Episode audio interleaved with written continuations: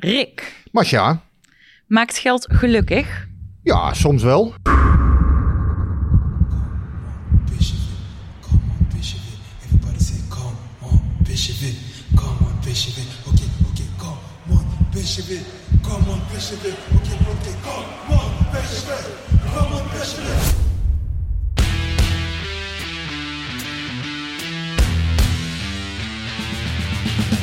PSV is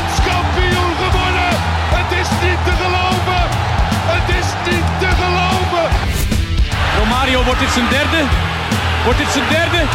Dit is zijn derde. Wat een wereldgoal. 5-1. Lozano richting De Jong. Oh, De Jong! Oh, wat een mooie. Fenomenale goal van eh, De Jong. Welkom bij de PCV-podcast seizoen 3, aflevering 12.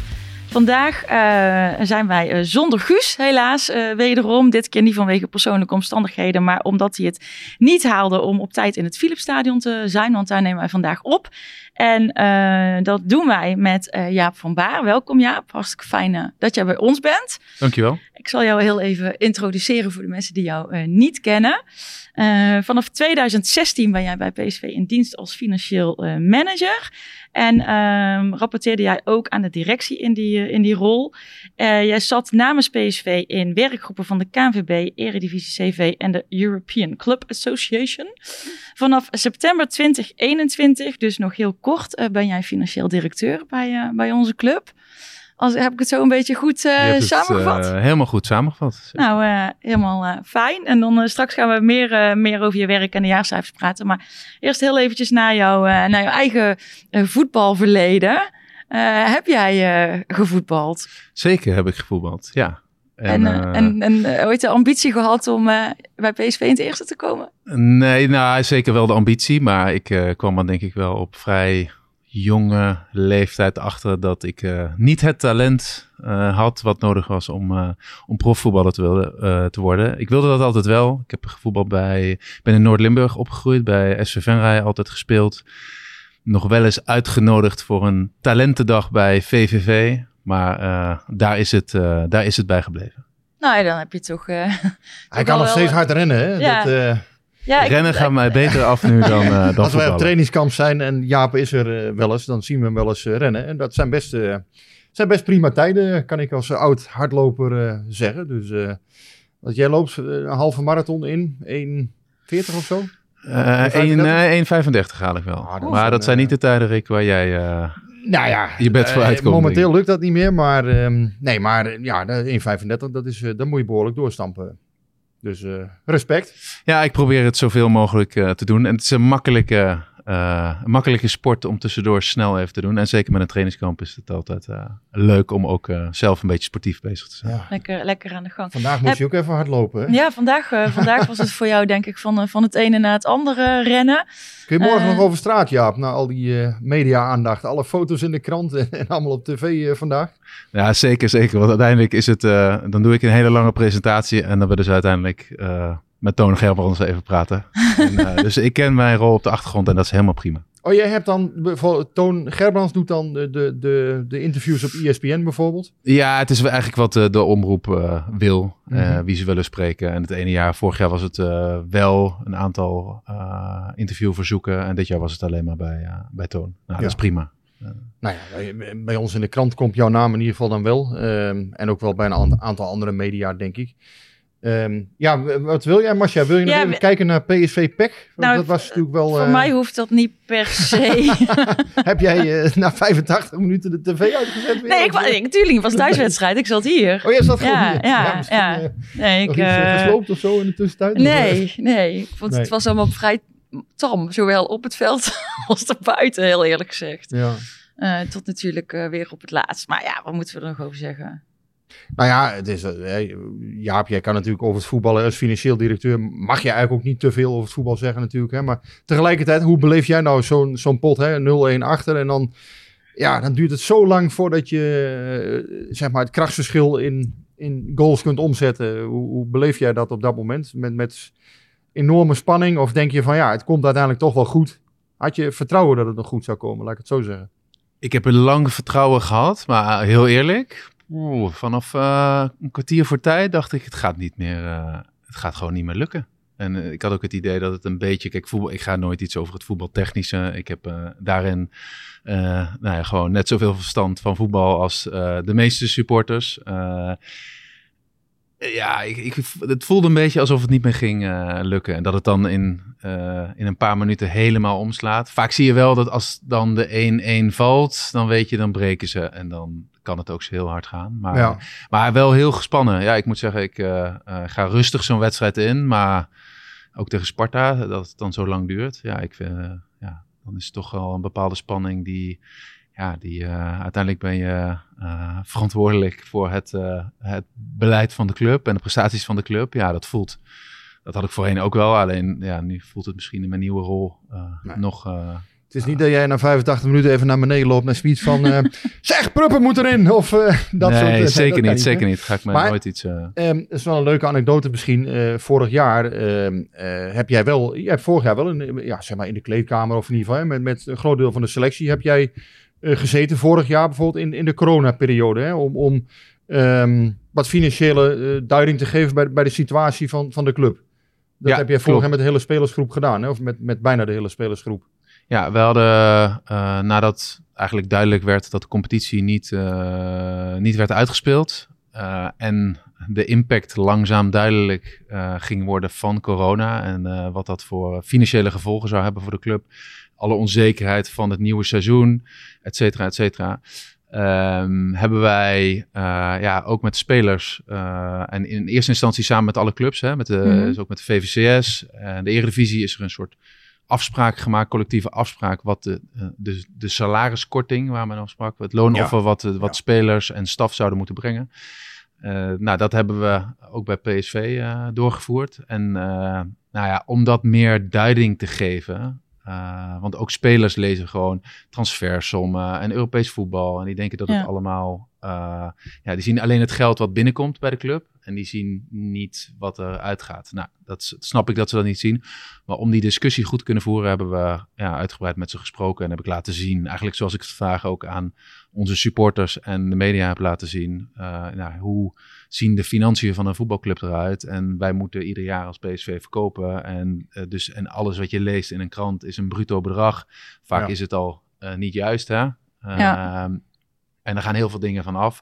Om ze iets meer eh, nou ja, duidelijk, duiding en begrip te geven over de cijfers. En ik moet zeggen, ja, daar zie je wel verschillen eh, Ja. in een groep. En de een vindt het, heeft ook veel meer interesse. Hoe vaak heb jij gedacht van... Goh, Elfrink, wat schrijf je nou weer? eh, joh, je, je maakt er ook helemaal niks van. Hè? Zeg het maar gewoon. Nee, nee, nee. Dat, dat, dat valt echt wel mee. Ik denk dat eh, er- wordt heel veel geschreven natuurlijk. Ja. En, en, en ik weet inmiddels wat wel waar is en wat niet waar is. Ja. eh, in de meeste gevallen. Dan mag ik hopen en- dat jij het weet. En heel veel onzin. En dan moet ik je dan een beetje credits naar jou, Rick. vaak, nou ja, jij bent ben, ben denk ik ook wel een beetje genuanceerd. En zal niet zo snel iets schrijven omdat er ergens een roddel over iets eh, is. Dus eh, ik moet zeggen, jouw bedragen zitten eh, meestal in de buurt. Maar ook jij eh, hebt je... ik heb je Commissies. nou, gelukkig. Ja, hoe eh, hoe erbij, ben hè? jij eh, bij PSV terechtgekomen als financieel manager voordat we heel diep in die eh, cijfers gaan duiken?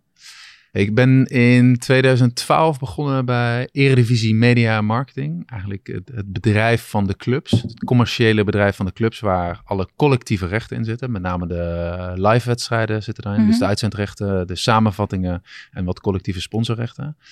Ehm, daar heb ik drieënhalf jaar gezeten. En eh, als financieel manager. En in die rol doe je ook eigenlijk de financiën van de Eredivisie zelf. Dat Mhm. is niet zoveel, want daar gebeurt vrij weinig. Uh, dat wordt steeds meer, maar het is eigenlijk meer het doorgeven van de uh, televisie-ingelden, de mediagelden, inkomsten naar de clubs. Okay. Maar uh, ik had dus wel veel contact met de clubs en vond dat, ja, had wel de ambitie om ooit het voetbal in te gaan of echt bij een club. Mhm. Mm. En dacht dat is een mooie plek in ieder geval om, ja, waar een netwerk opgebouwd kan worden.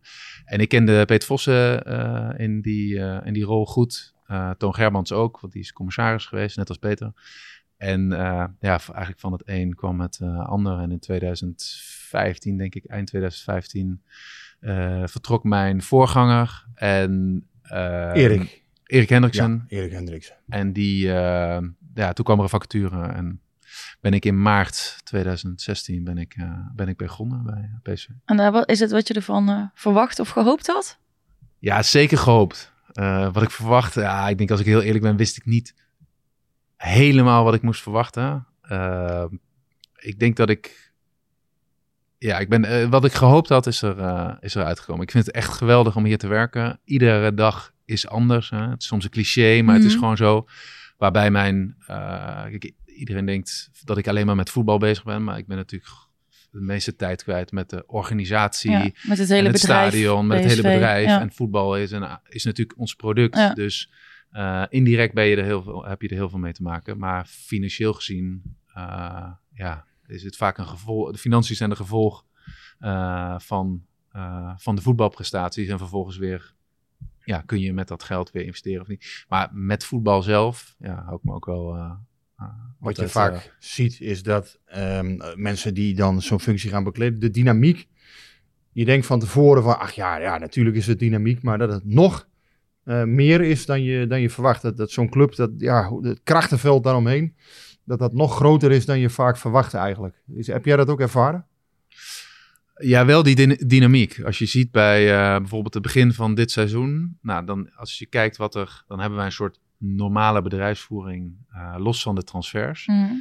Daarin is, was zoveel onzeker en onduidelijk. En Mhm. dan begrijp ik Ja. dat ieder bedrijf dat heeft, eh, daarmee te maken heeft. Alleen als je kijkt Europese gelden, eh, toen we het seizoen begonnen, was het scenario, we gaan geen Europees voetbal spelen, het ene uiterste. En het andere uiterste was, we plaatsen ons voor de Champions League. Het verschil daartussen is, even in omzet, eh 35 miljoen euro. Ja, want Op- je, had, je had vier mogelijkheden. Hè? Champions League groepsfase, Europa League groepsfase, Conference League groepsfase of zelfs helemaal niks. En Nou, dat laatste moest je wel, trouwens ook wel heel erg je best doen om, eh, om dat niet... eh, Natuurlijk, maar als financial hou je natuurlijk Ja. ook met het allerslechtste scenario rekening. En die, dus die vier scenario's, maar die liggen zo ver uit elkaar. Zeker als je het afzet tegen onze eh, begroting. Dat is ja, eh, 40 miljoen. Dat is de helft van onze normale begroting. Dus ja, daar zie je die enorme impact. Dan had je de onzekerheid wat corona. Ja. Mochten we, nou, het leek er wel op dat we weer eh, nou, met, met twee derde gingen beginnen. En daarna zou het normaal worden. Maar ja, heel eerlijk, dat dachten we een jaar geleden. Dachten Ja. we, we beginnen beperkt. En na de kerst zitten de opbouwen. stadions Ja. al vol. Dus Ja. publiek Ja. bedoel ik dan, ja. En eh, dus die onzekerheid. En ja, de transfers, die zijn altijd onzeker. Eh, nou, dat zal ook altijd zo blijven. Alleen, eh daar hadden we wel een goed gevoel over. Maar daar zag je ook dat die, ja, die transfermarkt heeft het jaar daarvoor in ieder geval wel een, een tik gekregen. Dat viel stil. Je zag, de, de grote bedragen werden soms nog wel uitgegeven. Maar normaal gaat het altijd druppelen. Mhm. En dat druppelen, ja, dat gebeurde eigenlijk niet. Dus clubs hielden door alle onzekerheid gewoon het geld eh, eh, binnenboord. En hadden dat vaak gewoon nodig om te overleven en salarissen te betalen. Dan zijn we via, via PSV PEC zijn we toch al heel snel bij de cijfers nu. Ja, eigenlijk, we zijn, is wel, eh, Nou ja, we kunnen er wel even wat, eh, wat over zeggen. Eh, negen jaar op een rij eh, eh, zwarte cijfers, hè, dus winst. Eh, vorig jaar eh, zelfs, hè, na dat hele eh, gekke, rare, publiekloze, nare rotjaar. Eh, nou ja, dit jaar dus eh 23,2 miljoen euro en negatief. 25 miljoen minder omzet. je zegt het bijna zachtjes. Drie, Ja. drie- ja, goed. de- 23 miljoen verlies. Ehm, maar er zit een heel verhaal, onder. Ja, kijk, eh, eh, we, hebben, we hebben het vanmorgen al. Hè, ook we hebben een soort sessie gehad hè, met alle media. Wij zitten hier nu wat later, dus in, in de middag. Ehm, je hebt het hele verhaal toen al natuurlijk verteld. En morgen komt het ook in de kranten. Maar tegelijkertijd het is wel interessant om nog eens over te hebben. Ehm, Jij, jij ziet dat natuurlijk aankomen, hè? want vorig jaar, ja, je kan het wel deels prognosticeren wat er allemaal gebeurt. Je ziet dat aankomen, die, die, die 20 of 25 miljoen. Dat zie je in maart, februari eigenlijk al, eh, denk ik, ontstaan. Of misschien al wel eerder. Ja, eigenlijk zie je, ik denk bij een voetbalclub, eh, en laat ik namens eh, PSV spreken, kijk, in, op 1 september, nou, vorig jaar was dat 6 oktober, Ja, als de transfermarkt sluit, de kwalificaties voor Europees voetbal zijn gespeeld, dan weet je voor een heel groot gedeelte financieel hoe het seizoen waarschijnlijk gaat lopen. Europees kun je verder komen dan je begroot. Nou, Mhm. Dat kan een plus zijn. In de, maar de, de, de onzekere factor was natuurlijk het publiek hier. En dat was, dat was in september, was, nou ja, werd toch al wel, of 6 oktober, waar ik net, toen sloot de transfermarkt. Ja, toen wisten we wel dat ja, voelde je wel aan alles dat het niet snel ging veranderen. Ja. En dat het scenario gewoon een seizoen zonder publiek zou zijn. Eh, met, met een soort hoop dat, dat, dat na de winter eh, supporters weer eh, het stadion in eh, mochten in beperkte vorm. En, ehm, en de transfermarkt was gesloten. Dus dan weet en nou, de, de commerciële inkomsten liggen ook aan het begin van het seizoen. Weet je ongeveer waar je naartoe gaat. Het zijn allemaal lange termijn contracten.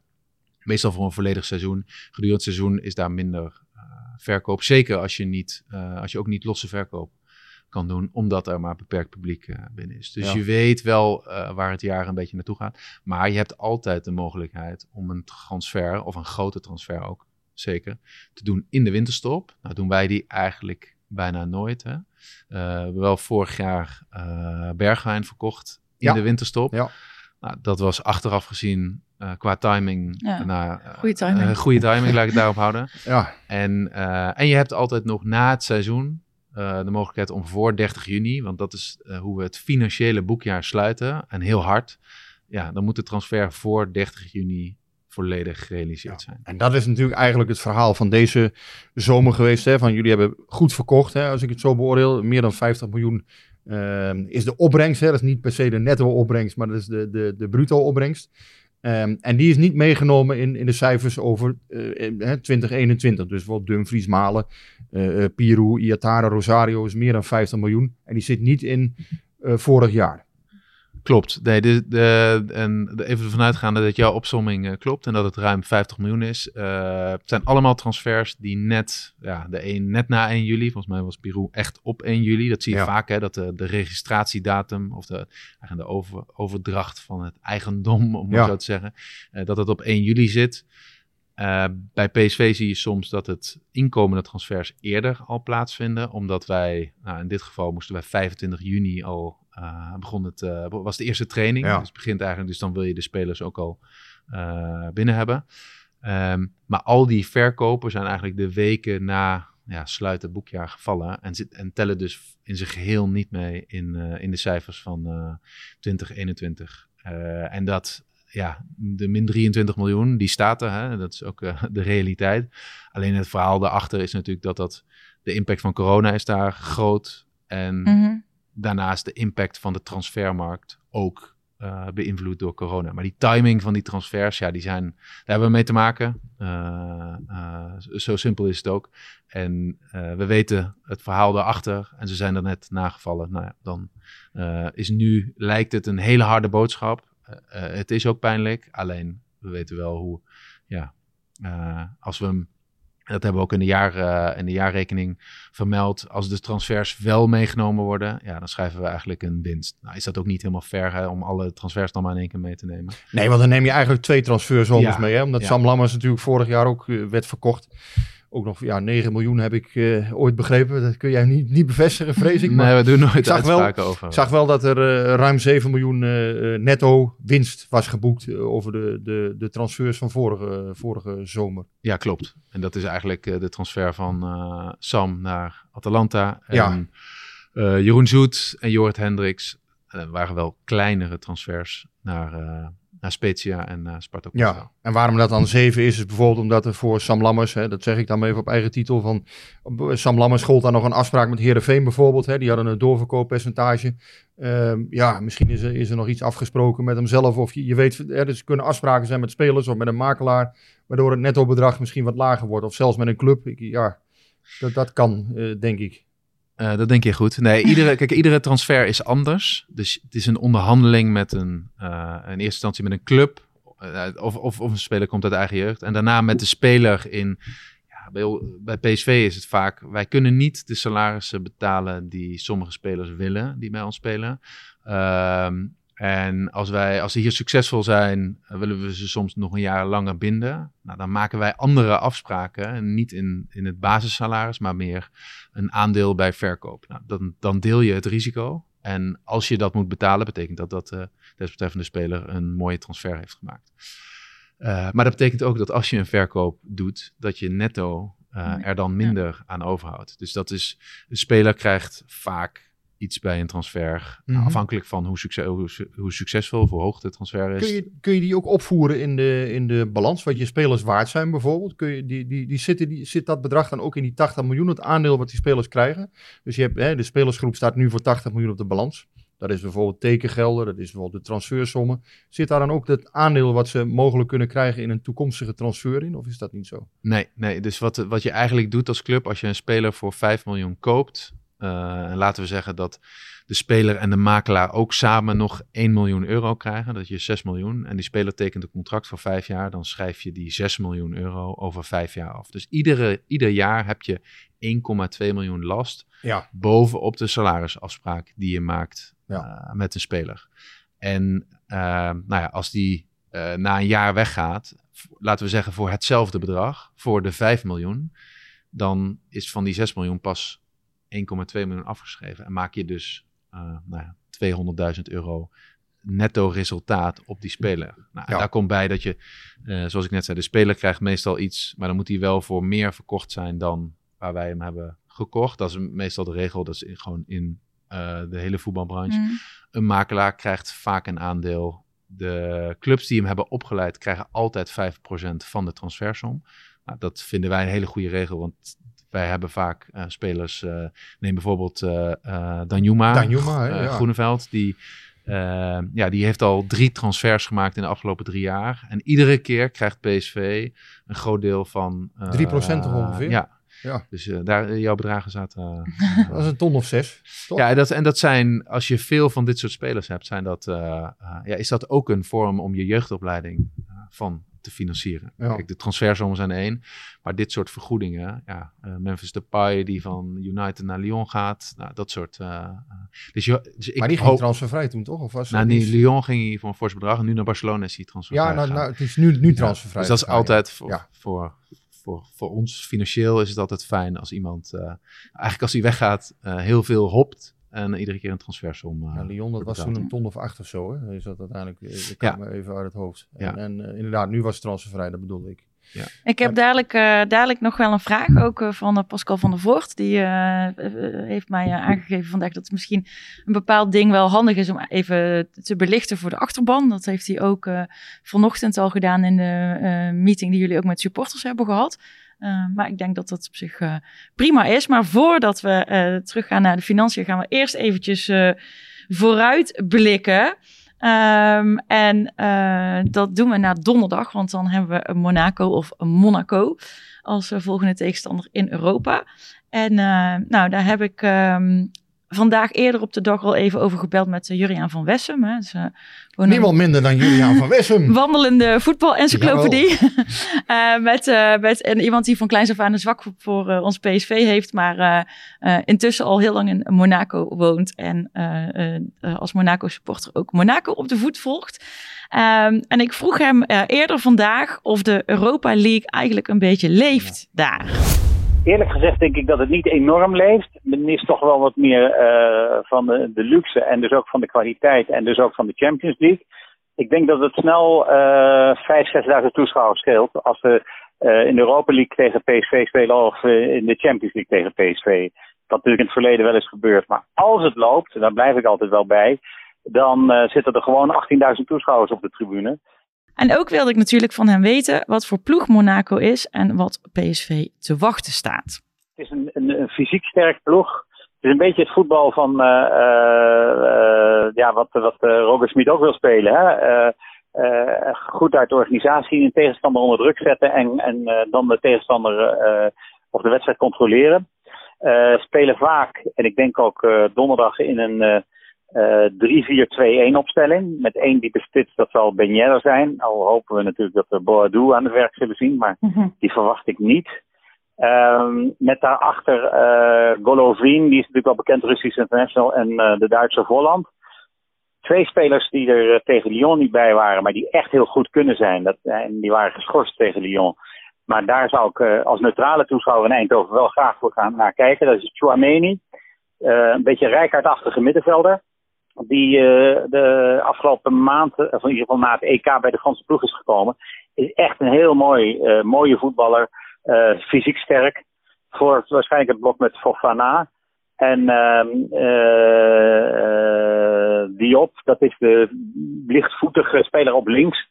En die was ook geschorst tegen Lyon. En dat is ook iemand die een wedstrijd kan kantelen. Dus ik denk dat, dat, dat ze vanuit die organisatie gaan spelen. Uh, ze hebben een niet al te hechte defensie. maken altijd wel een foutje. En één speler is, die wel opvalt, dus Dizazi. Maar als ze spelen in de organisatie van 3-5-2 of 3-4-2-1 dan denk ik dat, je, dat het vooral een steriele wedstrijd kan worden tegen PSV. Omdat ze vooral heel goed zijn in het uitschakelen van de tegenstander. Ja, en wat is dan een handige manier voor PSV om dat te pareren? Nou, ik denk dat. Uh, uh, maar nou heb ik PSV te weinig gezien daarvoor. Maar zoals PSV stelde zich Real dat. Ik denk dat, dat PSV vooral moet uitkijken dat ze eigenlijk een schijnoverwicht hebben. En dan met twee snelle counters verrast worden. En wat dat betreft denk ik dat dat als. Nou ja, kijk, de grap is natuurlijk Roger Smit en Nico Kovacs hebben bij Red Bull Salzburg met elkaar gewerkt. Nico Kovacs mm -hmm. was de assistent van Roger Smit. Dus die kennen elkaar heel goed. Kennen elkaar heel goed, ja. Ja, ja en ik denk dat, dat Roger Smit ook wel hem wil verrassen. Met de, um, misschien met een, ja, met de slag op het middenveld. Maar Sangaré is volgens mij geschorst, hè? Ja, ja. ja. En dat is wel een aderlating, denk ik. Want ja. de slag op ja. het middenveld wordt bepalend. En dat wordt vooral een fysieke slag. Met de Fofana en Chouameni. Dus uh, ik denk dat hij daar onderuit wil voetballen, Robert Smit. Dat zal hij toch van op de vleugels moeten laten doen. En uh, dat zal niet eenvoudig zijn. Bij, bij Monaco speelt waarschijnlijk op rechts Gelson Martins. Dat is een beetje een druistige speler. Maar ja, dan moet hij, die, zal waarschijnlijk wel Max bezighouden als Max zal spelen. Dus. En tot slot doet Juriaan ook nog een voorspelling voor komende donderdag. Nou, ik, ik, uh, ik denk een gelijkspel. 1-1. Dat zou toch een, een, een, voor Monaco een bevredigende uitslag zijn. Uh, wat, ik, wat het voordeel van PSV kan werken is dat Monaco erg snel ontregeld is als ze achterkomen. Dus als PSV op voorsprong komt mm -hmm. en er snel overheen gaat, dan zou PSV zomaar met 2-3-1 kunnen winnen. Um, uh, en dat heeft te maken met eigenlijk de frustratie. Dat, dat, uh, nou ja, die zal in Eindhoven ook wel zijn. Maar Monaco was eigenlijk al in de Champions League. En hebben toen, omdat die uitdoelpuntregel niet telde, of niet meer telde, zijn ze uiteindelijk veroordeeld in een verlenging. En daar hebben ze gewoon met pech voor een eigen doelpunt uh, in een kluts. Hebben ze, zijn ze uitgeschakeld door Shakhtar Donetsk. En PSV had een beetje hetzelfde met Benfica. Maar wel met dat verschil dat PSV natuurlijk een, een, een, man meer op het veld had. En misschien wel meer uit had moeten halen in die wedstrijd tegen Benfica. Maar je merkt dat beide ploegen uh, vooral bang zullen zijn om niet nog een keer uh, uitgeschakeld te worden. En ik denk dat dat sentiment over de wedstrijd zal hangen in Eindhoven. Rick zegt 1-0 en Juriaan zei 1-1. Oh. Dus uh, er wordt uh, weer uh, billen knijpen opnieuw. Maar ehm, nou ja, we gaan het zien donderdag en meemaken. we gaan nog even terug naar de, naar de financiën. Nog um, even? Ik mag hopen dat we nog heel even zitten. We zitten nog wel even, jazeker. ja. maar ja, dus Pascal die had een vraag. Wat was dat, zijn vraag? Dat zei ik net voor de, voor de, voor de interlandbreek. interlandbreek. Oké, okay, die knippen we er ook uit. Pascal had een vraag uh, en die wil graag weten. Um, dat gaat over de, de, de transferschuld. Um, uh, en wat het dan, wat het eigenlijk betekent, transferschuld, en hoe dat eigenlijk zit. Want hij zegt, veel mensen, veel supporters denken eigenlijk dat als we voor 50 miljoen verkopen op papier, dat we ook meteen die 50 miljoen hebben om te herinvesteren. Maar zo zit dat dus niet. en aan jou de vraag om dat eens even toe te lichten. Ja, goede vraag. En, en, en ook goed dat hij hem stelt en dat ik hem even kan toelichten. Want je ziet hierover wel vaak verwarring, denk ik, wat ik lees ook uh, sociale media, om, om te zien wat er leeft bij een transfer. Ook omdat wij zelf als club transparant willen zijn en, en ook het, werk, het, het echte verhaal willen vertellen. Nou, als je een, over het algemeen, hè, want ook hier, iedere transfer is anders. Je onderhandelt met een club en afhankelijk van de club, hoe hun eigen financiën zijn, of ze uh, nou, een hele snelle behoefte hebben aan cash, uh, ga je de onderhandeling in en komt er een resultaat uit.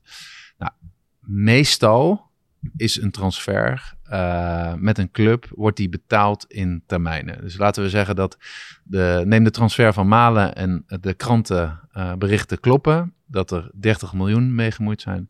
Dan betekent dat die transfer van 30 miljoen in termijnen bij ons binnenkomt. Uh, laten we zeggen vier gelijke termijnen van 7,5 miljoen. Meestal wordt er per direct een bedrag betaald. -hmm. En vervolgens na 12 maanden, na 24 maanden en na 36 maanden. Um, wij kunnen dus uh, als club die eerste 7,5 miljoen, ja, die komt meteen op de rekening binnen. En Ja. Komt, ja, het is gewoon uh, net als je eigen bankrekening, komt er gewoon in één keer ploep. En er komt En nooit dat is, zoveel geld op binnen in eh, één keer. Dat is een beetje jammer, maar... Nee, soms eh, was het ook wel, dat vond ik trouwens wel iets wat ik bizar vond. De eerste keer dat zo zo'n enorm bedrag in één keer Ja. binnenkomt. Of als je een heel groot bedrag in één keer moet betalen. Um, maar komt dat binnen en dan kun je er iets mee doen. Uh, die overige, in mijn voorbeeld 22,5 miljoen, die komt pas later binnen. En dat kan in mijn voorbeeld na een jaar en na twee jaar en na drie jaar.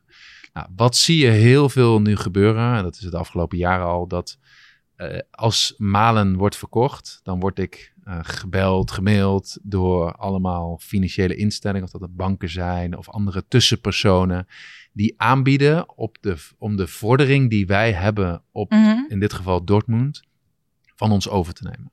Dus die 22,5 miljoen, zeggen ze, nou, dan krijg je morgen, nou, ik noem even een fictief bedrag, 21,5 miljoen euro van ons. Maar dan nemen wij hem verder over. En dan als club heb je dan het risico niet meer. En je beschikt direct Over over, het geld. Nou, dat kan een voordeel zijn. Uh, uh, dat, wordt, dat doen echt heel veel clubs. Sederen is dat toch? Of, of uh, hoe heet dat? Is dat Eh. geen, ja, maakt ook niet uit. Het is veel te moeilijk allemaal. Maar in ieder geval... Je, je Nee, ja, kunt- nou ja, le- leasemaatschappijen doen het ook. Bijvoorbeeld met eh, eh, landbouwmachines en zo. Daar, daar is het heel... eh, in die wereld is het volgens mij vrij normaal. Ja, je ziet het alleen als je goed kijkt naar wat er eigenlijk gebeurt, is dat wij uh, als voetbalbranche zijn we, we willen allemaal meteen ons geld, maar we willen in termijnen betalen. Even Ja. theoretisch, als iedereen gewoon meteen betaalt, hè, Precies. uh, dan gaat er, want nu vloeit er gewoon best veel geld uit het voetbal, wat, nou, wat eigenlijk zonde is. Ja, naar, naar die tussenpartijen. Naar die tussenpartijen. Ja. En uh, ja, liever hou je dat binnen het voetbal. En nou weet ik ook dat de UEFA ziet dit ook, de FIFA ziet dit. Dus die zijn wel aan het kijken of zij die rol misschien over kunnen nemen. En ook omdat zij beschikken over, ja, je hebt een transfer matching system. Daar, iedere transfer wordt daarin geregistreerd met Mhm. alle details. Uh, en, en de transfer vindt pas plaats als beide clubs op de knop hebben gedrukt dat het oké is. Dus zij kunnen eigenlijk best wel ja, hier een rol in gaan spelen als ze ook de. Nou, uh, en er is best wel wat geld bij, uh, bij de FIFA. En zij hebben ook mogelijkheden om met een financiële instelling. Een soort kredietbemiddelaar. Ja, de, ja. de FIFA. en dan hou je het wel binnen het uh, voetbal. Stel nou, hè, je gaat. Je eh, gaat heel even, Ja? want eh, dat, dat, dat, dat, dat, jij zei heel veel clubs doen het op die manier, maar eh, doen wij het ook op die manier? Ze- Dus zorgen we ervoor dat die tussenpartij ertussen zit en eh, eh, dat we dan in één keer die 21,5 miljoen hebben en dat er dan dus 1 miljoen eh, wegvloeit? Of doen wij dat niet en wachten wij af totdat het in termijnen betaald is? Uh, meestal, het, kijk, als je het doet, is dat meestal omdat je het nodig hebt. Mhm. Nou, in die situatie zijn wij, uh, of laat ik in de, in de periode in ieder geval dat ik hier zit, eigenlijk niet geweest. Dus het is niet een must. Maar het kan, kan soms ook een keuze zijn dat je denkt, ja, weet je, het risico van een club die Ja. niet gaat betalen. Kijk, als wij Ja, met. Er zijn bepaalde landen of clubs waar je liever geen zaken mee Ja. doet, omdat je weet het risico is groot dat ze niet betalen. Ja. UEFA heeft één hele harde richtlijn. Als een club een schuld heeft aan een speler of een andere club, dan wordt je licentie, je Europese licentie, Mhm. afgenomen. Of die kan afgenomen worden, maar die, dat wordt ook echt wel uh, gedaan. Gedaan. En dat is een perfect drukmiddel om clubs uh, ja, op tijd te laten betalen. Maar dan moet die club natuurlijk wel Europees voetbal spelen. ja, Uh, Ja. als, wij verkopen best wel vaak aan clubs die regelmatig Europees voetbal spelen. Maar neem een uh, transfer van uh, Gaston Pereiro naar Cagliari. Ja, die spelen geen Europees voetbal. Ja, dan heb je een groter risico. En dan kan het zijn dat je dan de vordering verkoopt aan een partij waarin het niet dat die dat natuurlijk ook niet, uh, niet dom zijn. En Nee. dat dan de, ja, gewoon de kosten Ja. die je betaalt om dat te verkopen, die zijn vrij hoog. Dus Ja. Ehm, dus wij proberen het eh, voor eh, zoveel mogelijk niet te doen. En wij zijn tot nu toe nou, in de onderhandeling best sterk dat wij eigenlijk altijd nou, ja, financieel dusdanig liquide zijn dat we niet per se morgen het geld eh, nodig hebben. Waar ik heen wil is, je kan bijvoorbeeld, ja, hè, ik bedoel, stel je, je doet dat, hè, je stemt hem in, dat het op, in termijnen wordt betaald. Je kan toch ook een bankgarantie eh, bedingen? Ja, alleen bankgarantie klinkt heel makkelijk, maar is eigenlijk ja, eh, bij een club, een club wordt dan beperkt om dat geld voor een hele lange tijd te gebruiken, want dat, dat, dat wordt gewoon, ja, dat wordt geblokkeerd. Ja. Dus je ziet dat clubs, ja, die vinden dat. eh, ja, dat- Willen ze dat- vaak niet. Nee, ze willen het gewoon echt niet. Kijk, als je het echt keihard eist, dan eh, komt het. Dus wij doen het ook wel eens. Alleen wij, eh, ja, ik kies dan liever om uh, ja, dan dan, maar de transfersom van eh, omhoog te... Dan betalen ze maar iets meer. En dan Ja. gebruiken wij dat om het risico aan een, eh, aan een derde te verkopen. Je kan ook een bankgarantie van een A++ eh, bank hebben of een C++. eh, Daarom. Dat is ook een eh, verschil, hè? Ja, en vaak als je een bankgarantie vraagt, dan is het eh, bij een land waar ook Ja. zo'n bankgarantie eh, niet altijd. Maar eh, ja, Maar dit soort afwegingen maak je, dit is natuurlijk ook vooral een cashflow probleem. Hè? Dit soort afwegingen maak je natuurlijk bij, bij transfers. Hè? Van wanneer krijg ik het geld binnen? Ehm, wat is me dat waard? Is het dan een miljoen? Hè? Ga ik met een miljoen minder akkoord als ik het eerder krijg? Dat zijn allemaal afwegingen die je, die je maakt op dat moment. Ja, kijk, degene die de onderhandelingen bij ons eh, doet, en dat eh, verschilt per transfer. Kijk, eh John de Jong is altijd eh, eh, betrokken. En vaak is het of eh, Toon. Eh, ik denk in de toekomst dat ik daarin een grotere rol ga spelen. Eh, altijd het vier ogen principe. Ja, en daarin maak je keuzes. Eh, je voelt aan wat, een, eh, wat de andere kant eh, graag wil. En vooral ook wat ze niet willen. En ja, zo probeer je het beste voor, voor één ieder eruit te halen. leuk, maar man. vooral voor... eh, ja, nee, dat is heel, eh, dat Straks is heel leuk. alle, alle supporters bij jou op de stoep en alle media op de stoep. En nee, zo erg. Zo'n vaart zal het niet lopen. Nee, maar, zeker. niet. maar zeker in de zomer kan natuurlijk best eh, de druk flink oplopen. Ja, kijk, en dat is ook zo. De, de, de- een, een transferzomer kan zo verschillen. Eh, we, we hebben transferzomers waarin je de laatste paar dagen eh, duimen aan het draaien bent, bij wijze van spreken. En Ah, de ja, laatste valt, jaren niet, eh, nee, de laatste jaren is dat er. maar ja, vorig jaar hadden we een hele mooie. En, en ook dit jaar was het de laatste dag weer een. eh eh gebeurde weer een hoop. Kan ik jou niet gewoon even een appje sturen dan die dag, s'avonds? Dan van, hé, goh, komt die nog of komt die? Scheelt mij een hoop werk in ieder geval. eh. Ja, dat kan me Het zou wel voorstellen. fijn zijn af en toe.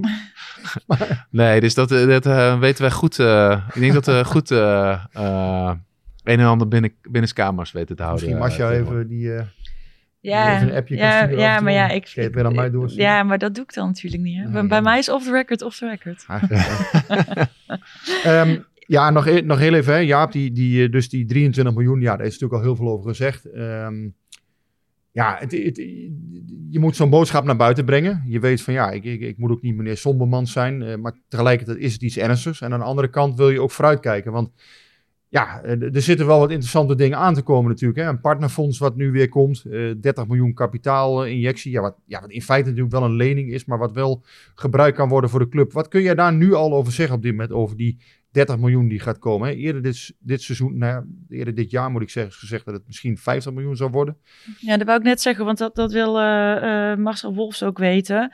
Hoe zat het nou met die kapitaalinjectie van 50 miljoen? Dus misschien is het handig om eerst even uit te leggen eh, waar die verschillen eh 30 en 50 vandaan komen. Ja, we hebben in, ehm, in het artikel eh, in de media, hebben we, of in het Eindhovens Dagblad, hebben we eh, aangegeven dat we eh, aan het onderzoeken waren en ook al wel in een redelijk ver stadium waren met eh, een nieuw eh, partnerfonds van 30 miljoen euro en een hypotheek op het stadion van 20 miljoen, wat samen die 50 miljoen was.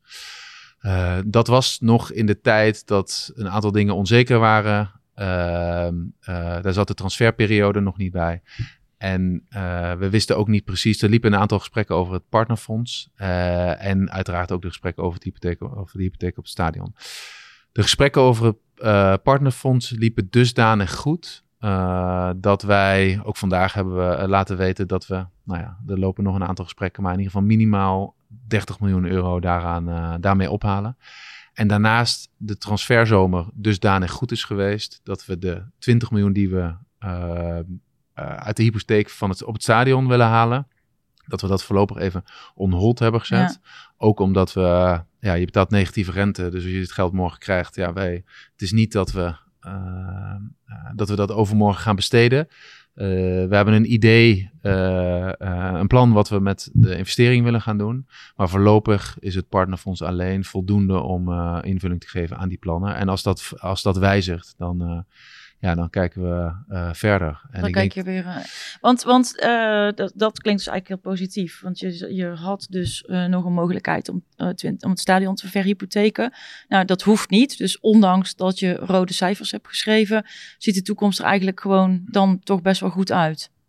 Qua liquiditeit zijn we gewoon, ja, he- heeft de club eh, de zaakjes op orde, om maar zo te zeggen. Eh, daar helpt dat partnerfonds bij, daar helpen de transfers bij. Eh we hebben wel natuurlijk de impact van corona die een tik heeft gegeven. Maar, en die ook dit seizoen, dus het seizoen waar we nu in zitten, Mhm. nog best wel wat, wat impact heeft. Alleen, eh, nou ja, eh, supporters hoeven zich geen zorgen te maken eh, over de continuïteit van de club in ieder geval. En ook niet over het feit of wij, dat we niet zouden kunnen investeren in bijvoorbeeld de komende zomer. Dat, eh, ja, daar zorgen wij wel voor dat wij ieder jaar het team verder, verder kunnen versterken. Want wie bepaalt dan waar het geld naartoe gaat? Kijk, uite- eh, nou, dat kan, eh, directie is dat, hè? Directie eh, met toezicht van eh, de Raad van Commissarissen. Eh, samen met uiteraard alle mensen die eh, ja, binnen PSV werkzaam zijn in de diverse facetten. Want we hebben wel al aangegeven, zonder te veel in detail te treden, dat we het ja, op meerdere plekken willen, willen inzetten. En is dat een eerder groot- dit jaar ook gezegd dat het misschien in spelers eh, gestoken kan worden. Ja, maar wel met. eh, kijk, wij gaan. eh, het is niet de bedoeling om van deze eh 30 miljoen een, eh, een middenvelder van 15 miljoen of een spits van eh 15 miljoen te kopen. Dus we zitten, eh, nou, zoals het zei, het zijn in, het is ook Het een volle lening. bedrag hè? wordt niet ingezet voor, eh, voor spelers eh, te kopen in ieder geval. Dat is duidelijk. Nee, niet het volle bedrag. En er eh, zijn mogelijkheden om ook in de, de wat kleinere categorie, dus op jeugdspelers, eh, daarin een en ander te doen. En eh, ik denk dat het ook goed is om te benoemen. eh, soms lees ik het dat de mensen denken dat het een soort gift, Gift, is. ja. Eh, het is een achtergestelde lening. En een, ja, het karakter van een lening is dat je dat ooit Terug moet betalen. terug moet betalen Ja. in de meeste gevallen. Dus daar gaan we ook vanuit. Nou, PSV is een club die altijd afspraken nakomt. Dus dat gaan we hier ook doen. Dus, en investeren betekent ja, dat je dat op een bepaalde manier ook weer terug moet verdienen. Dus dat, dat gaan we dan ook doen. Een van de meest interessante dingen die je vanmorgen zei was, eh, vond ik tenminste, ehm, een echte gamechanger, daar zie jij dit niet in. Een gamechanger met Ajax. Daar, je ziet het wel als een belangrijke stap, maar je zei de, de echte belangrijke gamechanger zie ik in de tweede eh, Champions League plek voor, eh, voor de Eredivisie. Dat zou echt een, een, een heel belangrijk iets kunnen worden voor PSV. Ja, ik denk, kijk, het partnerfonds is wel een, eh, ja, een instrument waar je weer stappen kunt zetten. Ja. Eh, dingen worden mogelijk gemaakt die als je weinig liquiditeit hebt, eh, en dit is lang eh, durend vermogen, En, eh, ja, je kan hier dingen mee gaan doen. En daardoor het gat, wat er in ieder geval financieel is, een stukje verkleinen. Alleen het is eenmalig geld. En Mhm. ja, als je structureel eh, het financiële gat wil verkleinen, dan is ja, het spelen van Champions League is natuurlijk een enorme plus ten opzichte van in ieder geval de afgelopen jaren waarin we Europa League hebben gespeeld. Ja. En, en Ajax heeft een hogere basisbegroting. Eh, dus dan gewoon de reguliere omzet zonder Europees voetbal. En hierdoor ook een hoger spelersbudget. Ja, en er komt bij de inkomsten uit Champions League. En ja, de twee verschillen samen maken dat we nu eh, ja, wel heel slim moeten zijn om dat eh, sportief gezien eh, Dicht te eh, lopen. eh, dicht te lopen. En, eh, en een tweede plek voor het eh, Nederlandse voetbal, wat rechtstreeks tot de toegang geeft tot de Champions League. Ja, dat zou voor PSV, nou ja, kijk naar de afgelopen jaren, ja, vaak het, eh, het rechtstreekse ticket zijn geweest. Dus Ja.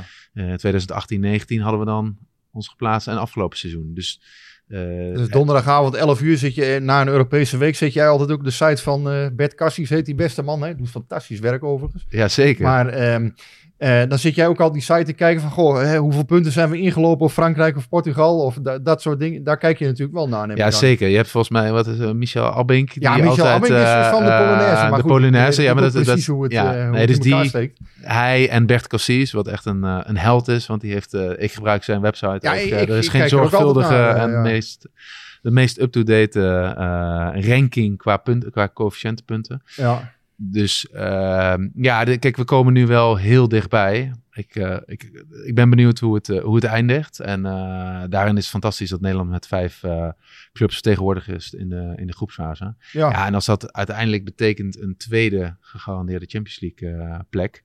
Ja, dat is voor ons echt, echt nou, je had net het woord gamechanger. Maar dat kan wel, ja, als dat structureel. Want wij vinden wel absoluut dat we ieder jaar bij de, bij de eerste twee moeten eindigen. Ja. dan hebben we een geduchte concurrent uit, uit Amsterdam. Met een groter budget. Maar ja, uh, maar wij, daar is wel eens wat over gezegd. Maar jullie hebben ook een groter budget dan AZ en Feyenoord. Dus daar moet je dan maar boven eindigen. Zo simpel is het ook. dan AZ zeker. Dan Feyenoord. ja, dat, dat hoor je heel vaak. Als je, als je de omzetten in ieder geval naast elkaar zet. In, van, de, van het operationele resultaat. Verschilt dat niet zoveel. dus je hoort het vaak. Op transfergebied is het wel heel anders. Want ja, wij doen over het algemeen uh, grotere transfers dan dat ze in, uh, in Rotterdam uh, doen.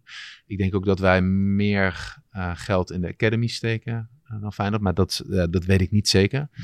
En ehm, dus, het, ja, dus dat, het, dat wij zoveel verschillen van Feyenoord.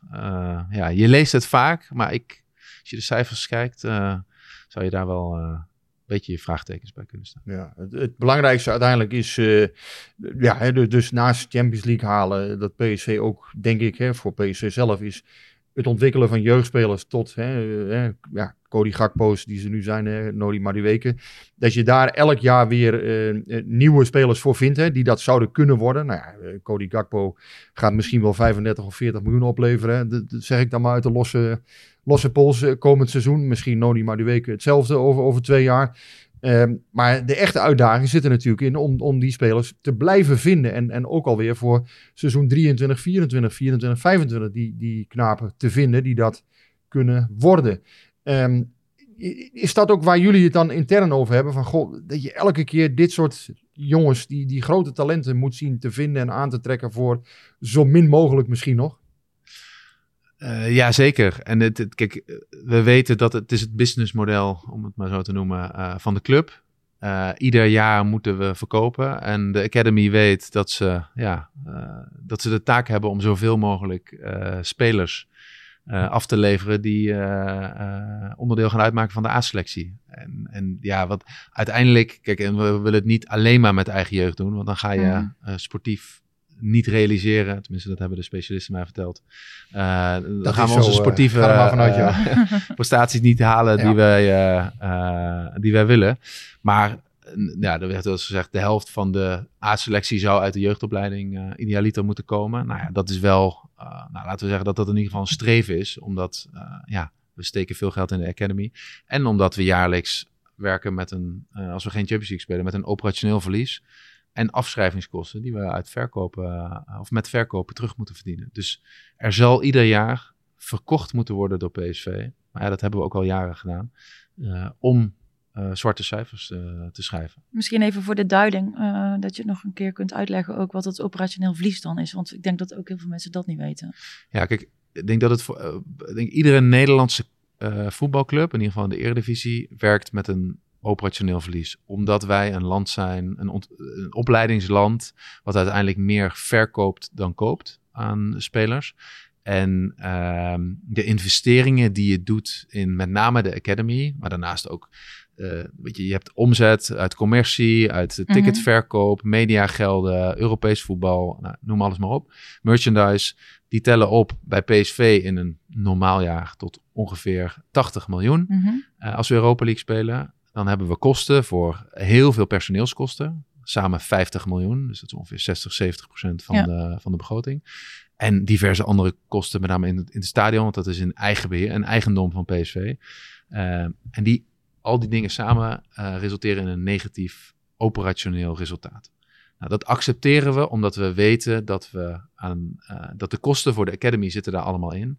En die moeten we met transfers uh, moeten we dit verlies goed maken samen met de afschrijvingskosten die we voor spelers hebben, omdat we die gekocht hebben.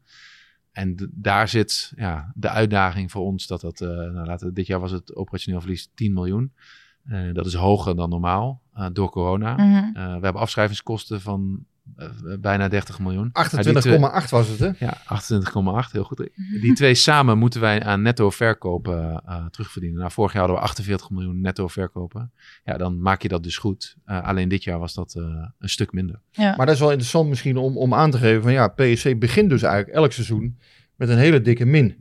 Omdat je dus hè, die afschrijvingskosten op de spelersgroep 28,8 plus dat operationele verlies dan. Dus je begint eigenlijk al, je moet die, die 40 miljoen moet je ergens inlopen. Netto ook nog, hè? dus niet je opbrengsten, maar netto moet je het inlopen. Ja. Zorgt dat dan toch voor, voor wat stress hier en daar wel eens? Of denk je, goh, gaan we dat wel halen uh, dit jaar? Of, of, of ja, nou ja ik zou, ik zou uh, liegen als ik zeg dat als financial ik me daar geen... Uh, kijk, zorg is het verkeerde woord, maar onzekerheid is voor een financieel iemand vaak niet heel, heel prettig. Alleen ik kijk, uh, omdat ik, ik weet dat het zo is. Uh, anders moet je denk ik ook niet in de uh, financieel directeur van een voetbalclub zijn. Dus ik kijk heel erg naar het veld. kijk, wat zie ik gebeuren zonder technisch te worden. staan daar jongens die, ja, die die netto verkopen in kunnen gaan vullen. Nou ja, dan kijk ik nu naar het veld en dan zie ik Cody Gakpo natuurlijk, Noni Madueke, Sangaré en, en Max. En, en gewoon veel uh, spelers die waarde vertegenwoordigen. Ook spelers die dat niet. Hè? Dus een, een Zahavi loopt einde van dit seizoen uit zijn contract, heeft een bepaalde leeftijd. Ja, daar gaan we niet uh, het netto resultaat op boeken. Uh, wat, dat, wat dat verschil gaat maken. Dat zullen andere jongens moeten doen. Dus ik probeer er wel voor te zorgen dat die balans niet doorslaat naar dat er elf type Iraanse havies in het veld staan. Er moet, ja, jongens met waarde moeten er staan. En dat, daar kijk ik niet alleen naar. Dat kijkt, uh, nee, Sahavi, uh, Gutsen zijn dan hè, spelers die eigenlijk PSV uh, dusdanig veel beter zouden moeten maken. Ja. Hè? Dus, dus dat zijn de, ja, hoe noem je dat nou? De, de... Nou, je zoekt een balans in ervaring ja. en, en, en, en daarnaast specifieke andere kwaliteiten aangevuld met jonge talenten uit de eigen jeugdopleiding, maar ook van andere clubs. Ja. ja, daar is, uh, en dat is de taak aan de technisch directeur om daar de ideale samenstelling. En, en John, uh, we, nou ja, we spreken elkaar dagelijks. Uh, weet, ja, wij, zitten, we hebben dezelfde uitdaging, hè? dus het is niet ja. nee, ja. mijn of zijn uitdaging. Je werkt er samen ja, ja. Het is prijzen pakken en transferwaarde kweken eigenlijk. Hè? Hoe, even over Sahavi gesproken, hoe heb jij naar hem gekeken dit weekend, Masha? Ik vond het echt zo frustrerend, ik vond het gewoon zielig. ja. Hij verdient wel veel geld, las ik vorige week. Uh... Ja, heb ik ook gelezen. Ja, ja. ja maar volgens mij doet hij daar niet echt voor, uh, heb, ik, heb ik de indruk. Want hij verdiende 9 miljoen in China per jaar.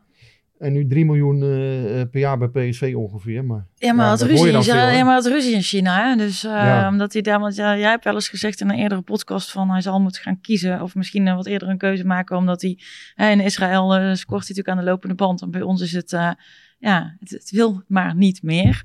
Um, maar hij wil dus duidelijk niet kiezen, want daarom is hij weggegaan in China. Dat ging nee, daarover. Maar Vinicius, die uh, zit er ook nog niet heel lekker in, hè? Die maakt het hem niet echt heel erg moeilijk, uh, om maar uh, zo te zeggen. nee, maar dat is al een keer gesuggereerd. Misschien kun je dat even doorgeven door, door, mensen vandaag op mijn werk. Die zeiden, misschien moet Vinicius gewoon een keer starten.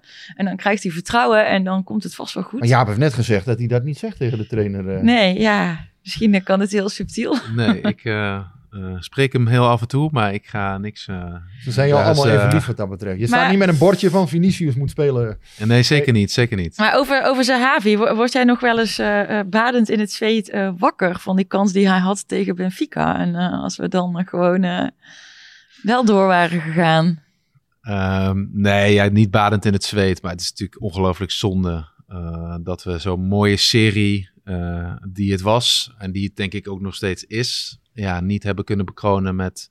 Nou ja, het is deze bal, maar ik denk dat het uiteindelijk de, ja, de twee wedstrijden samen waren die, uh, ja, waarin we uiteindelijk onvoldoende kwaliteit hebben. Uh, want ja, als je een uur tegen tien man speelt dan, ja. en dan niet scoort, ja, dan hebben zij het goed gedaan en, uh, en wij niet. En, dan, en dat is, ja, dan is het financieel is het heel pijnlijk. Maar ik moet zeggen, ik vind het uh, erger voor de club en de supporters en ook voor ons allemaal dat we uh, niet op Champions League niveau Champions dan dat het. Ja. En tuurlijk heeft het financiële consequenties, uh, maar met name het eerste is ja, zo zonde is het. Dus het voordeel aan voetbal volgend jaar nieuwe... Een nieuwe ronde, Nieuwe nieuwe, ronde, kansen. nieuwe Beetje, kansen. eh, ja, ook een beetje, dan moet je ook wat meer op de kosten letten, misschien hier en daar. Hè. Dat is, eh, ja, dat, dat is Ja, maar wij, wij begroten niet op Champions League, Nee, dat is waar, maar ja, uiteindelijk ja. ja, het is dan, mooi meegenomen, maar ja. eh, Ligt er een keer geen lapje Ja, rollade in de perszaal. Kijk, het is natuurlijk wel zo dat als je, eh, als je het haalt, legt dat iets minder druk op de,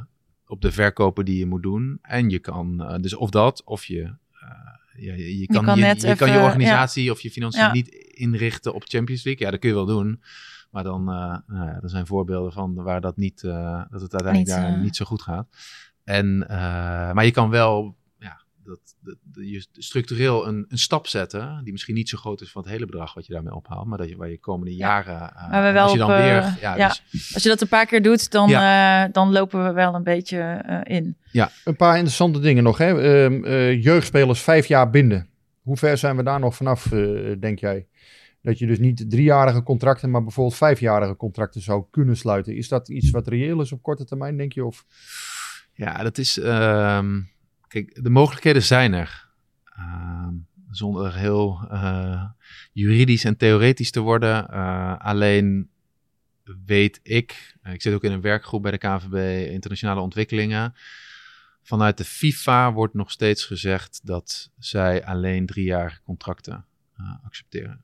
Ja, En daarin ja, is het, ja, je zou eigenlijk een keer een casus moeten hebben dat je dat gaat testen. Kijk, het is natuurlijk, als je het doet, een vijfjarig contract, en uiteindelijk eh, ja, loopt deze speler na drie jaar weg, omdat het toch niet eh, rechtsgeldig blijkt te zijn.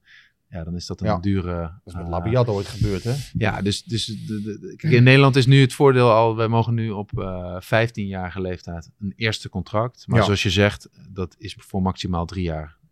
Dus je, je bent steeds na een jaar probeer je een speler weer te verlengen, omdat de druk vanuit, en nu is dat minder geworden door de brexit, eh, Engeland was altijd de druk van, ja, bij dat eerste contract op 16-jarige leeftijd, ja, dan zag je gewoon in Nederland verloren en dan waren wij niet alleen. Ajax, Feyenoord eh, en ook AZ eh, in mindere mate verloren gewoon spelers aan, aan het buitenland. Omdat daar ja, salarissen werden betaald die wij niet in Nederland kunnen of willen betalen. En dat, Ja. dat, is, dat zie je nu, dat is vanuit Engeland is dat een stuk minder door de brexit. Ja, En nu komt de druk meer vanuit Duitsland. Maar het is wel echt minder, eh, minder geworden. En vanaf 15 jaar mogen we nu dus contracten geven. Nou, dat scheelt. Ja, dan heb je ze voordat eh, eh, de rest van Europa ze kan, ze kan weghalen. ja. Ehm, nou ja, dus hè, als we even resumeren nog hè, naar, naar, naar zeg maar de jaarcijfers. Dus, dus al bij al, ja, de, de boodschap is kort gezegd eh, eigenlijk kloten. Hè, maar ja, die, die was natuurlijk wel verwacht eh, voor, voor PSV. Eh, tegelijkertijd, ja, dus je ziet wel, ehm, ja, je ziet wel, hè, het, het is, het is niet rampzalig allemaal. En je ziet eigenlijk wel mogelijkheden om ja, op dezelfde voet verder te gaan, lijkt het. Ja, ik denk dat je het goed omschrijft. Het, is het is kloten Ja, financieel. toch? Het seizoen 2020, 2021. Eh, maar er is voldoende perspectief om,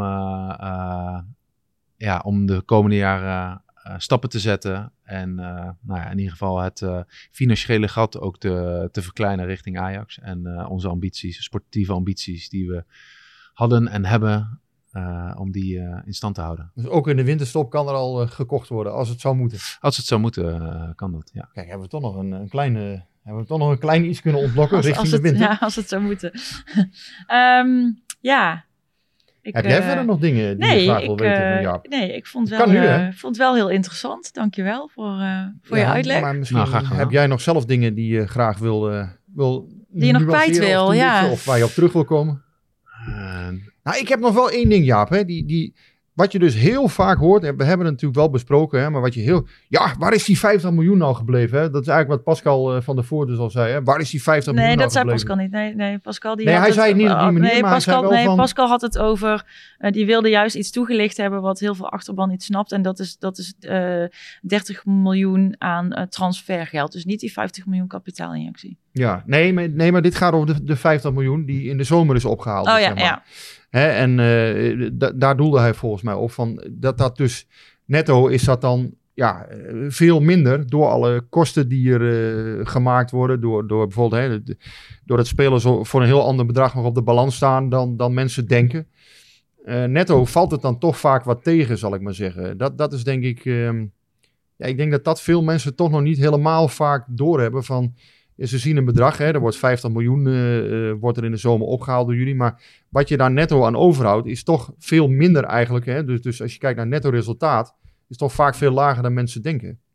Nee, dat is zo. En dat is, eh, zoals ik al zei, per transfer verschillend. Maar als je gewoon generiek, en dan kijk niet alleen naar PSV, maar gewoon, de, laten we zeggen, alle transfers die in de eredivisie gerealiseerd worden, ja, wordt vaak toch een derde eh, van het bedrag ehm, eh, moet je in mindering brengen om het netto resultaat. En, Mhm. en, en, maar soms is het 50% als je een speler ook voor een fors bedrag gekocht hebt. Ja. Alleen dat eh, opleidende clubs, de speler, de makelaar, de belastingdienst. Je hebt excessieve loonbelasting waar wij nog steeds veel mee te maken hebben. Eh, ja, eh, die eten eh, mee Ja. in, eh, in de transfer. Wat maakt dat je als club netto eh, minder overhoudt. Want bijvoorbeeld een Malen stond eh, ook niet helemaal voor nul op de balans. Die had bijvoorbeeld een keer tekengelden gekregen of zo, of dat soort Ja. dingen. Dat kun je uiteindelijk opvoeren. Hè, en dan, ja, uiteindelijk is dat... Dat gaat natuurlijk allemaal wel ten laste van je, ehm, van je netto winst, zal ik maar zeggen. En kijk, Malen is eh, voor een, eh, hele beperkte transfersom bij PSV gekomen. Eh, zes, hè? Vanuit, eh, doen we geen, geen uitspraken over. Maar het is eh, een zeer beperkt bedrag. Zeker als je eh, kijkt naar voor hoeveel die is weggegaan. Maar eh, heeft een bepaald salaris in Engeland. Nou, doet een stap terug. Wij kunnen niet in die salarissen mee. Alleen, ja, dan, zoals ik al zei, dan maak je soms eh, afspraken die bij een succesvolle verkoop, eh, ja, dan geld kosten. Alleen dan weet je, ja, als dat, als dat gebeurt, dan zijn we heel blij met die transfer. En, ja. Ja. en anders kun je, het kan ook een keuze niet te doen, hè. Dan, maar sommige spelers, ja, die mis je dan gewoon. Ja, Ja. dat is... eh, is ook veel, ja goed, jij kunt daar natuurlijk ook niet op ingaan, hè, over Mino Raiola en zijn aandeel in, in die transfer bijvoorbeeld. Hè, maar laat ik dat dan maar zeggen. Ik vind dat zij een te grote hap uit de voetballerij soms nemen. Nou, als je kijkt naar de prestatie die zij leveren, vind ik dat te veel eigenlijk. Maar goed, ja.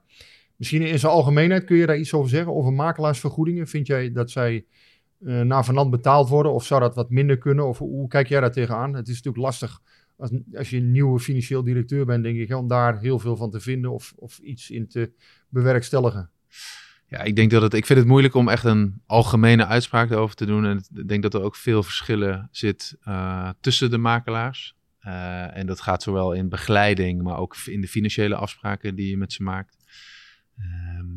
Ja, dus ik vind het echt wel moeilijk. Eh, er zijn soms wel echt bedragen waarvan je je afvraagt: ja, is dat, ligt er dan niet te veel, eh, nou ja, of dat macht is of eh, power bij de, bij de makelaar? Maar ik moet ook, ehm, want dat is denk ik ook iets wat we als je afgelopen transferzomer kijkt. ehm, nou, in de lijstjes, even vanuitgaan dat ze waar zijn. Volgens mij stond op VI een lijstje over in Europa. Stonden wij geloof ik de zesde plek het verschil tussen aan- en verkoop. eh, Mhm. eh, of verkopen minus, eh, minus aankopen. Hè? Nou, met name gedreven door de verkopen. Vier van de vijf spelers, en, en, en mm, wat is het? Eh 98% van het bedrag ongeveer wat we hebben opgehaald had Mina, Mino Raiola als zaakwaarnemer. Dus Ja. je kan als club, tuurlijk, hij is een, een, een goede onderhandelaar. En eh, heeft als, als eerste doel om het beste voor zijn spelers eruit te halen. Daar geloof ik op zich en ook wel in. dat doet hij. Ja. Eh, daarnaast heeft hij ook een relatie met de club. En Ja. hebben wij een goede relatie met hem. Ja. Eh, Tegelijkertijd wordt hij er ook bepaald zelf niet slechter van. hij wordt er niet zelf slechter van. Maar als je afgelopen zomer kijkt, ja, ook, ook is hij wel in staat om, een, om in een hele moeilijke markt transfers te realiseren. En de, ja, dan kun je een discussie hebben over wat hij, of zijn aandeel dan eh, mhm. een fair aandeel is. Maar dat, eh, Dat is voor een volgende, voor een volgende volgende keer, eh, podcast. het laatste dingetje, Marcia, hè, want ik vind bijvoorbeeld Mino Raiola, Mo Iatare heeft zich bij PSV niet goed gedragen. Ehm, had eigenlijk, nou ja, wel, misschien wel een draai om zijn oren verdiend. eh, krijgt dan in feite een, een doos bonbons in de vorm van een transfer naar Juve. Eh, dat hem weer door verhuurd aan Sampdoria. Hoe heb jij de, de berichtgeving afgelopen week ja, bekeken? Ja, Verrast ja. of niet? helaas niet. Nee. Dat jij had het idee van, ja, dit gaat niet goed komen, sowieso. Nou ja, kijk, eh, hij heeft natuurlijk eh, uit een bepaalde eh, hoeken krijgt Schmid dan de schuld. Omdat, omdat hè, die heeft ineens dan ons, ons grootste talent niet meer opgesteld. We hebben het al zo vaak over Iatare gehad. eh, ik heb heel lang gehoopt dat hij, dat hij eruit zou komen. Dat hij gewoon ja, zich daarin toch iets volwassener zou opstellen. Nou ja, de berichten die we dan nu horen, ehm, eh, is dat niet gelukt. Eh, ja, vind ik jammer, eh, vooral voor hemzelf. En eh, daar wil ik het eigenlijk even bij laten wat betreft Mohamed Iatare, want hij voetbalt niet meer voor ons. Dus laten we vooruitkijken naar donderdag. Nou, het enige is dat het PSV misschien nog iets extra's had kunnen opleveren. hè? Ja, had gekund. maar ja, ja. het is wat het is. Ja, weet je, het is, het is voor mij ook een beetje... Ik ben ook, ik ben ook gewoon wel een beetje klaar met het onderwerp Mohamed hem, eh, Iatare. Gaan we parkeren. Jaap, hartstikke bedankt. Ja, leuk om jou hier een keer eh, te gast te hebben. Ja, heb je, durf je nog een voorspelling aan voor donderdag? Eh, nipte overwinning. Dus twee- ik ga, de 2-1 hoorde ik net. Ik ga mee met de 2-1. Wij gaan eh, eh, scoren, sowieso. En eh, ik denk twee keer. En zij zijn echt goed. Dus eh zullen eh, ja, alles in het werk moeten Ja. stellen om eh, de overwinning eh, over te stellen. En dan zetten we denk ik echt een Ja. mooie stap eh, Ja. Richting Europese overwintering. Ja, ja, het wordt spannend. Een ontmoeting tussen eh eh, Schmid en zijn eh, ex-collega. Dus eh, die kennen elkaar goed. Ik eh, ga ook met jou mee voor de 2-1. Ik hoop alleen dat het niet tot ergens diep in de 80 duurt voordat we de winst binnenslepen. Zondag minstens zo belangrijk, toch? Ja, ja, maar We gaan het zien. ja, we gaan het Nou, zien. Misschien wel belangrijke zondag. Zeg ik nou dan toch? Ajax Ja, uit. ja, dat, eh, ja, daar wil ik eigenlijk nog even niet aan denken. Gaan we het volgende week allemaal over hebben? Yes, ehm, nou, dat zeggen we voor nu gewoon weer. eh, houdoe en bedankt. Tot de volgende week.